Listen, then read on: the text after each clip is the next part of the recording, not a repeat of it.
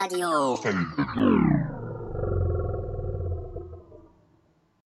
بنده در حال مطالعه کتابی از استاد فقید ایلان ماسک بودم که اتفاقا ترجمه زحمتش هم استاد طوفان عزیز متقبل شده بودن و اسم کتابم هست توبی اور توبا فصول بسیار جالبی در این کتاب هست اما فصلی که می‌خواستم با شما عزیزان در میون بذارم فصل نقل و انتقالات شامخ انسانی بود که ایلان ماسک در اون اومده جابجایی انسانهای شایسته در آیندگان رو به سه نوع کلی تقسیم بندی کرده.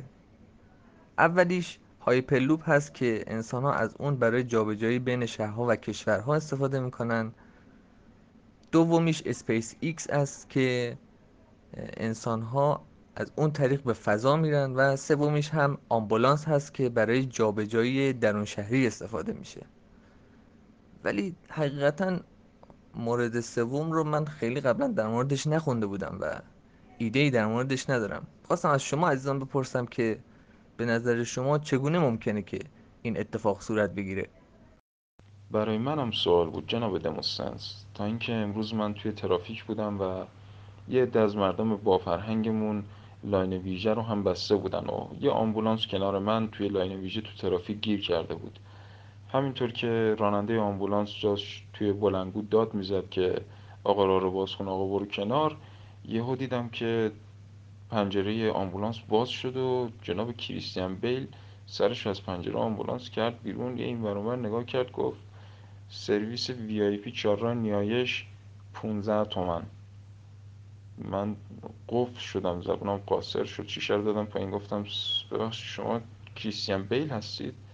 و ایشون گفتش که نه من رونالدو شونم همونجا فهمیدم که خیلی بانمک و بامزنیشون به نظر شما این اتفاق ربطی با این موضوع نمی‌تونه داشته باشه؟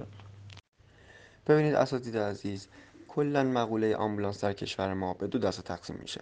آمبولانس های پوچ و آمبولانس های پر. آمبولانس های پوچ آن دسته از آمبولانس های فاقد محتوایی هستند که ادای آمبولانس های پر رو در میارن و آژیرکشون از خطوط ویژه و چراغهای قرمز عبور می‌کنن و همیشه هم مدعی هستن. به نظرم این آمبولانس ها رو باید باهاشون مثل شلیک های حضلولی برخورد کنیم تا درس عبرتی برای بقیه بشن. اما آمبولانس های پر که به دو دسته تقسیم میشن یعنی آمبولانس های پر بیماردار و آمبولانس های پر سلبریتی دار اینجا جای بحث داره. ببینید از قدیم گفتن که اولویت با زنده است. با زنده هاست نه با مرده ها. بیماری که کارش به آمبولانس می‌کشه بالاخره رفتنیه. یه دیر یا زود فار دانی رو ودا میگه. و فرقی نمی‌کنه که تو آمبولانس بمیره تو بیمارستان بمیره بالاخره میمیره. ولی آمبولانس هایی که سلبریتی بر هستن دارن آدم های زنده رو جابجا می‌کنن که کار دارن و به هر حال مشغله دارن و زندگی دارن و به نظرم این کار پسندیده که ما اولویت رو به اینا بدیم براشون جاده باز کنیم و بهشون احترام بذاریم. بله جناب آچیلیوس من که واقعا از این منطق شما لذت بردم و کاملا درست حرفتون.